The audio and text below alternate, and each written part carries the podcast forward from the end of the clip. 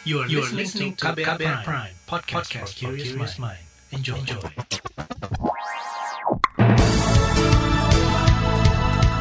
Selamat pagi saudara, senang sekali kami bisa menjumpai Anda kembali melalui program Buletin Pagi dari KBR. Edisi awal pekan Senin 15 Februari 2021. Bersama saya Agus Lukman. Sejumlah informasi pilihan telah kami siapkan di antaranya pekan ini divaksin, sosialisasi untuk pedagang pasar dinilai masih kurang.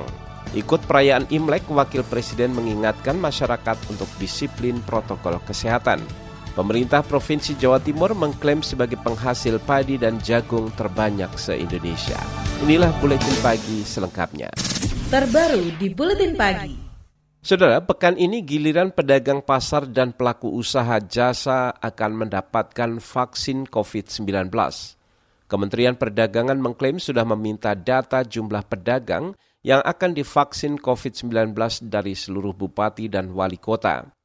Direktur Sarana Distribusi dan Logistik dari Kementerian Perdagangan, Frida Adiati mengatakan, data yang dihimpun adalah jumlah pedagang di pasar, retail modern, serta pusat perbelanjaan di wilayahnya kami langsung menyampaikan data pedagang kepada teman-teman di Kementerian Kesehatan. Ini memang baru untuk 216 pasar raya. Kemudian kami segera mengirimkan uh, kepada bupati dan wali kota untuk meminta pendataan jumlah pedagang pasar, retail modern, dan pusat perbelanjaan uh, secara nasional. Direktur Sarana Distribusi dan Logistik Kementerian Perdagangan Frida Adiati meminta para pedagang pasar supaya tidak ragu untuk divaksin. Pandemi COVID-19 telah menurunkan omset pedagang hingga hampir 40 persen, sedangkan daya beli masyarakat juga anjlok sekitar 60 persen. Saudara, vaksinasi COVID-19 tahap awal untuk para pedagang akan dilakukan di Pasar Tanah Abang, Jakarta. Juru bicara PD Pasar Jaya, Gatra Faganza mengklaim sudah mendata sekitar 9.000 orang pedagang dari target 25.000 pedagang pasar. Pendataan untuk pasar lain juga terus dilakukan. Gatra mengatakan vaksin untuk seluruh pedagang pasar di Jakarta ditargetkan selesai dalam waktu sepekan rencananya kemungkinan akan dilakukan di Pak Ayah di minggu ini nih, di minggu Senin sampai Jumat depan ini. Ditargetkannya sih dari hasil komunikasi kami dengan Kemenkes dan Dinkes itu enam hari ya. Enam hari itu untuk seluruh pasar ya, berlaku untuk seluruh pasar yang dikelola pasar Jaya itu 153 itu. Juru bicara PD Pasar Jaya, Gatra Faganza menambahkan ada lebih dari 100 ribu pedagang dari 150-an pasar yang akan divaksin di Jakarta mulai awal pekan ini. Ini belum termasuk karyawan di kios ataupun petugas di pasar. Pemberian vaksinasi COVID-19 kepada pedagang pasar diharapkan bisa meningkatkan kepercayaan masyarakat untuk kembali belanja di pasar tradisional. Asosiasi Pedagang Pasar di Jawa Barat juga mendukung vaksinasi bagi para pedagang pasar. Meski begitu, belum semua pedagang menerima informasi mengenai rencana vaksinasi ini dengan jelas. Asep Sonjaya, seorang pedagang bahan pokok di Pasar Balai Indah, Kabupaten Bandung, Jawa Barat, mengatakan sosialisasi vaksin COVID-19 kurang merata, sehingga banyak orang yang tidak peduli. Sementara survei SMRC akhir tahun lalu memperlihatkan 50-an persen masyarakat percaya akan keamanan vaksin dari pemerintah. Sebelumnya, Saudara Presiden Joko Widodo mengatakan prioritas vaksin berikutnya akan diberikan kepada pedagang pasar, pelaku usaha jasa, serta pelayan publik karena interaksi sosial dan mobilitasnya tinggi. Masyarakat mungkin bisa dilakukan untuk yang interaksinya tinggi, mobilitasnya tinggi harus didahulukan. Misalnya pasar, misalnya di sektor-sektor jasa yang padat interaksi yang interaksinya tinggi, segera lakukan. Bukan orang per orang, karena kita ingin melakukan vaksinasi itu klaster, memagari, sehingga tercapai kekebalan komunal, tercapai herd immunity. Atau misalnya di kota ada mall, sudah karyawan di mal langsung karena dia banyak sekali berhubungan dengan masyarakat. Selain itu, Presiden Joko Widodo juga menginstruksikan para kepala daerah untuk membuat pemetaan vaksin serta klaster penerima vaksin sehingga vaksinasi tepat sasaran. Di lain pihak, epidemiolog dari Universitas Indonesia Tri Yunis Miko Wahyono mengingatkan target vaksinasi untuk tenaga kesehatan belum sepenuhnya tercapai.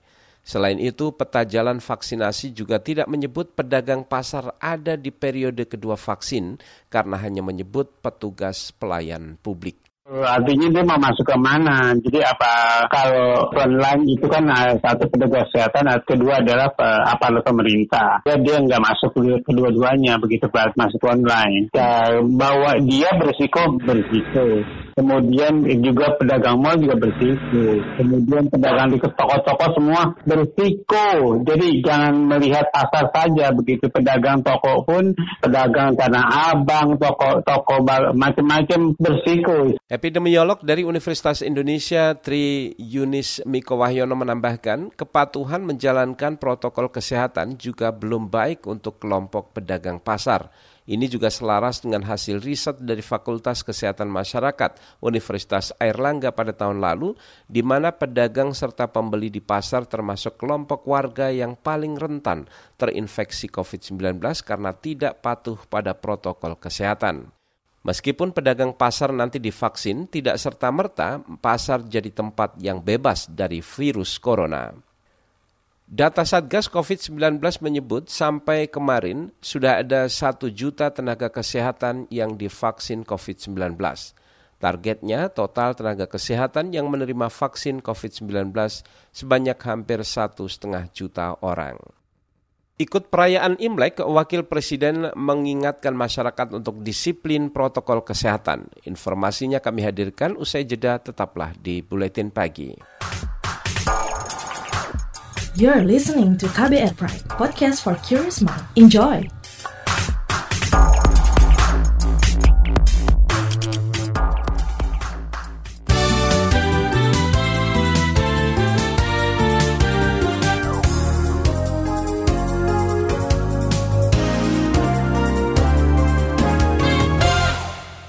Kita ke informasi ekonomi. Presiden Joko Widodo meresmikan bendungan Tukul di Kabupaten Pacitan, Jawa Timur. Jokowi berharap bendungan itu bisa menyediakan kebutuhan air bagi pertanian sehingga mampu meningkatkan hasil panen. Bendungan Tukul yang diresmikan Presiden Jokowi kemarin termasuk salah satu proyek strategis nasional. Saya harapkan dengan berfungsinya bendungan Tukul di Pacitan ini akan menjadi infrastruktur yang penting, memperkuat ketahanan pangan dan juga memperkuat ketahanan air. Saya minta agar pemerintah provinsi, pemerintah kabupaten betul-betul memanfaatkan infrastruktur ini sebaik-baiknya sehingga memberikan nilai tambah bagi daerah, memberikan keuntungan bagi masyarakat, meningkatkan produksi pertanian bagi daerah dan juga memudahkan penyediaan air bersih. Itu tadi Presiden Joko Widodo. Bendungan Tukul di Pacitan dibangun selama enam tahun dan menghabiskan anggaran 916 miliar rupiah. Presiden Jokowi menjelaskan bendungan itu mampu mengairi 600 hektar sawah dan menyediakan air baku bagi warga Pacitan hingga 300 liter per detik. Daya tampung bendungan mencapai hampir 9 juta kubik. Wakil Presiden Ma'ruf Amin mendorong peran para pemuka agama untuk terus mengimbau masyarakat menjaga kesehatan dan mematuhi protokol kesehatan.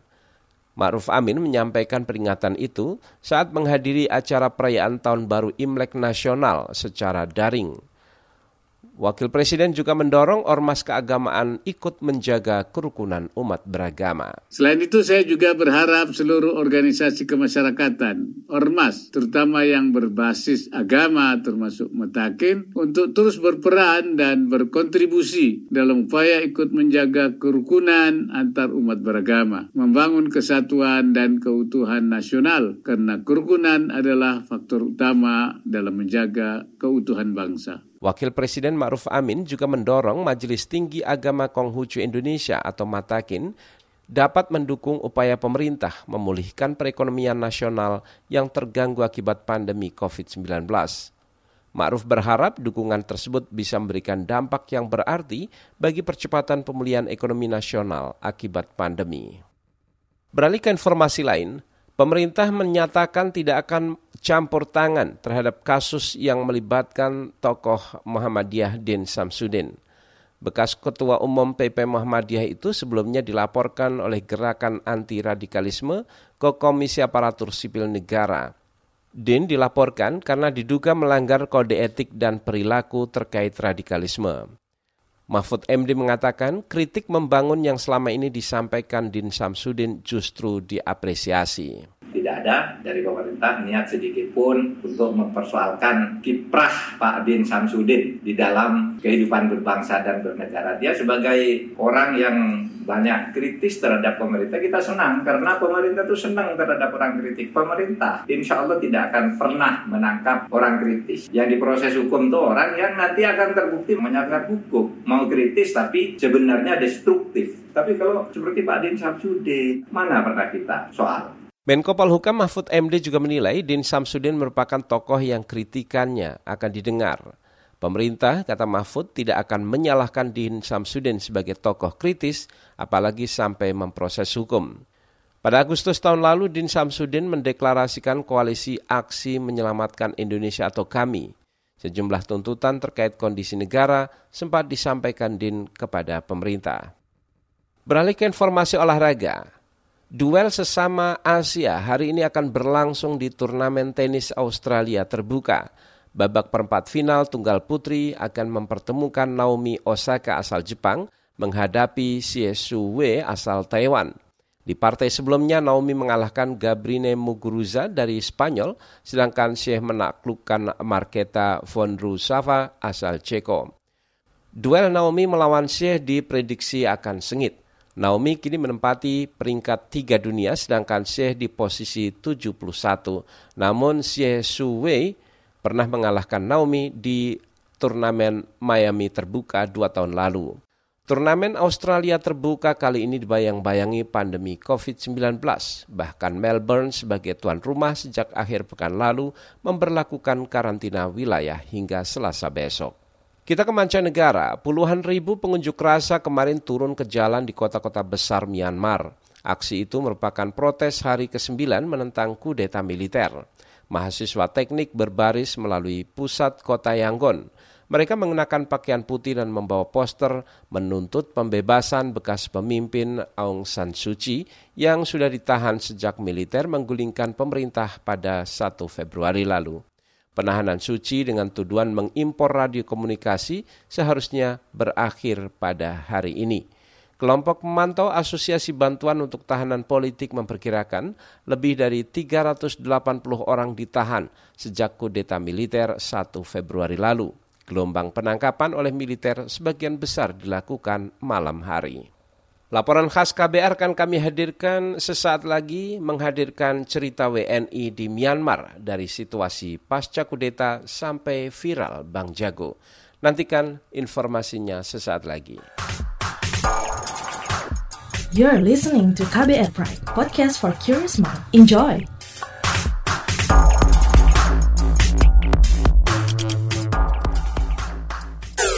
Commercial break. Seorang volunteer dari komunitas Biho memberi pesan kepada teman-teman Broken Home untuk dapat bangkit dari keterpurukan dan mampu berdikari. Jangan sampai kalian menikah saat kalian belum siap. Itu penting banget. Jadi selama masih muda nikmati aja masa mudanya. Carilah hal-hal positif yang bermanfaat buat masa muda kalian. Sehingga nanti kalian ketika pun sudah memiliki pasangan, mau mencari pacar misalkan atau sudah ingin menikah, kalian sudah benar-benar matang agar apa yang kalian alami tidak terjadi kembali kemudian hari. Simak obrolan selengkapnya dalam podcast Disco Diskusi Psikologi dalam episode Bangkit dari Keterpurukan dan Berdikari di kbrprime.id dan platform mendengar podcast lainnya.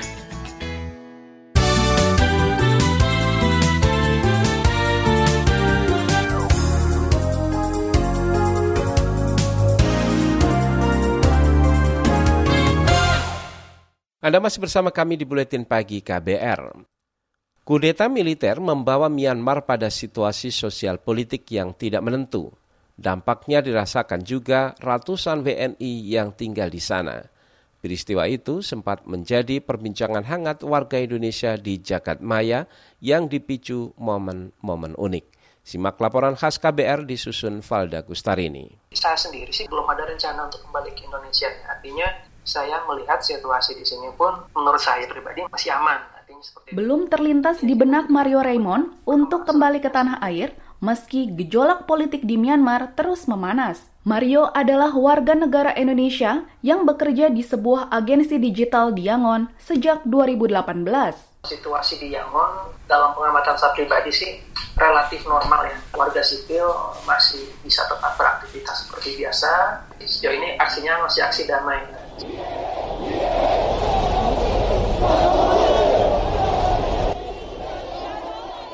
Yangon merupakan salah satu kota besar dan pusat bisnis di Myanmar. Sepekan terakhir, Yangon juga menjadi pusat demonstrasi masyarakat sipil. Mereka menentang rezim junta militer yang merampas kekuasaan dari pimpinan de facto Aung San Suu Kyi. Mario bercerita, sekitar sepekan setelah kudeta militer 1 Februari, sebagian besar jaringan internet di Yangon diputus. Aksi ini diduga dilakukan otoritas militer untuk meredam peningkatan gelombang protes sipil. Kini, meski akses internet telah pulih, pemerintah setempat memberlakukan pembatasan lain, yakni jam malam. Adanya jam malam ini, kalau efektifnya baru diinstruksikan kemarin, terhitung mulai jam 8 PM sampai jam 4 PM, warga diimbau untuk tidak beraktivitas di luar rumah. Mario sempat berkomunikasi dengan WNI anggota Kerukunan Indonesia Myanmar. Menurutnya, ada 400-an lebih WNI yang tinggal di negeri Seribu Pagoda. Selama krisis politik berlangsung, kedutaan besar Indonesia di sana sangat responsif demi memastikan keamanan para WNI. Arahan yang kami terima intinya jangan panik. Kami dihimbau untuk menghindari kerumunan massa, itu satu. Yang kedua, untuk menghindari penggunaan atribut dengan warna tertentu yang bisa diasumsikan berafiliasi dengan kelompok tertentu. Selain berdampak pada WNI di Myanmar, riuhnya huru-hara politik di sana juga sampai ke tanah air. Warganet Indonesia turut nimbrung membicarakan situasi negara tetangga. Yang unik, faktor pemicunya adalah Bang Jago.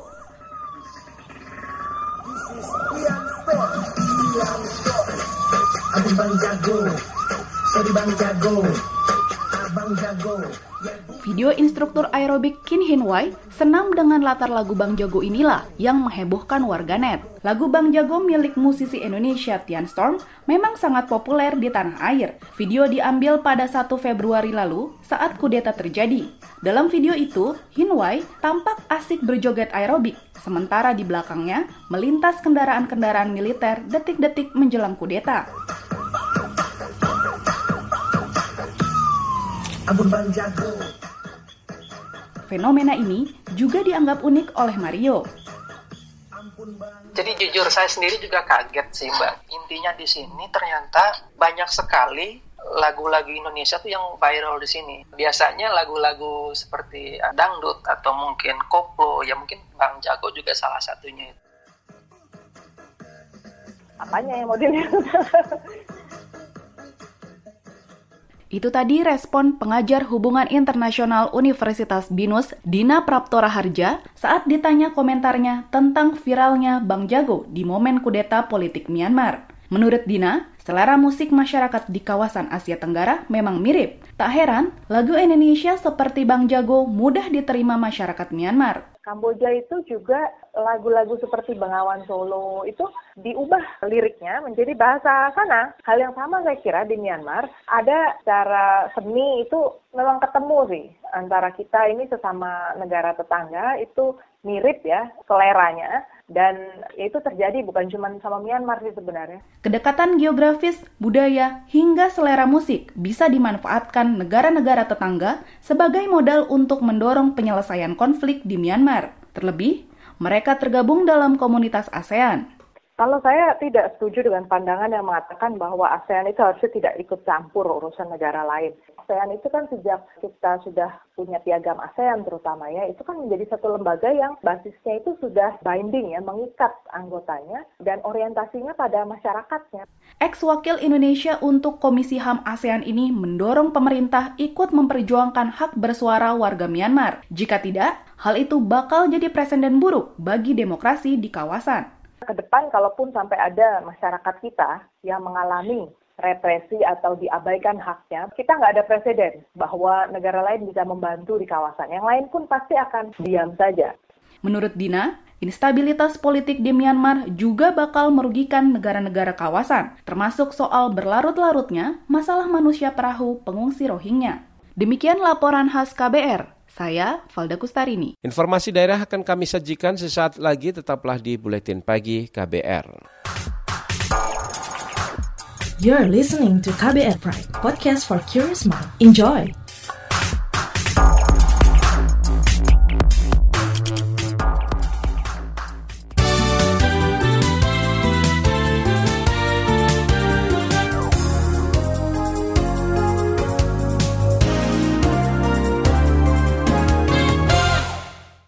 Inilah bagian akhir buletin pagi KBR. Kita ke Jawa Barat, mulai hari ini calon penumpang kereta api di stasiun Bandung, Jawa Barat wajib menjalani uji COVID-19 menggunakan Ginos atau metode kantong tiup.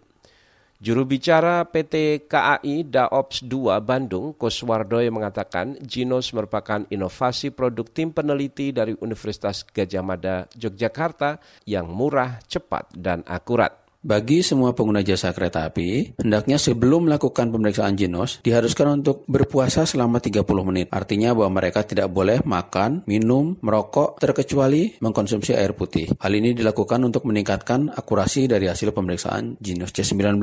Juru bicara PT KAI Daerah Operasi 2 Bandung, Kuswardoy menambahkan tarif layanan Jinos sebesar Rp20.000 per orang.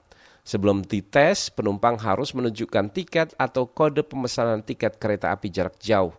Selain di stasiun Bandung, penggunaan Ginos juga mulai diberlakukan di stasiun Gambir Jakarta, Solo Balapan, Cirebon, Stasiun Tawang Semarang, dan Pasar Turi Surabaya. Sebelumnya, Ginos sudah lebih dulu digunakan di stasiun Pasar Senen Jakarta dan stasiun Tugu Yogyakarta. Kita ke Jawa Timur, saudara. Provinsi Jawa Timur mengklaim saat ini menjadi daerah penghasil padi terbesar secara nasional. Gubernur Khofifah Indar Parawansa mengatakan, data dari Badan Pusat Statistik menyebut produksi padi di wilayahnya sebanyak 18 persen dari total produksi nasional bahwa berdasarkan angka sementara BPS tahun 2020, produksi padi di Jawa Timur ini tertinggi dari seluruh provinsi di Indonesia yang mencapai kontribusi nasionalnya 18,17 persen. Ini pada posisi gabah kering giling, produksi padi di Jawa Timur ini 10,02 juta ton dan pada ini setara dengan 5,76 juta ton beras. Kemudian berdasarkan angka sementara BPS bahwa produksi jagung di Jawa Timur juga tertinggi. Gubernur Jawa Timur Khofifah Kofifa Indar Parawansa juga mengklaim provinsinya sebagai penghasil jagung terbesar nasional pada tahun lalu dengan produksi mencapai 6,6 juta ton atau hampir 22 persen dari produksi jagung nasional. Jawa Timur juga mampu mempertahankan nilai tukar petani hingga 0,26 persen, sedangkan provinsi lain justru terkoreksi hingga angka minus. Informasi tadi menutup jumpa kita di Buletin Pagi hari ini dari KBR. Pantau juga informasi terbaru melalui kabar baru di radio jaringan KBR, juga di situs kbr.id, Twitter di akun @beritaKBR, serta podcast di alamat kbrprime.id. Akhirnya saya Agus Lukman kami undur diri. Salam.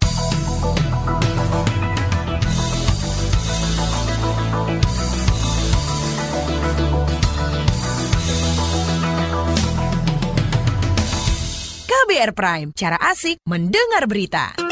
KBR Prime, podcast for curious mind.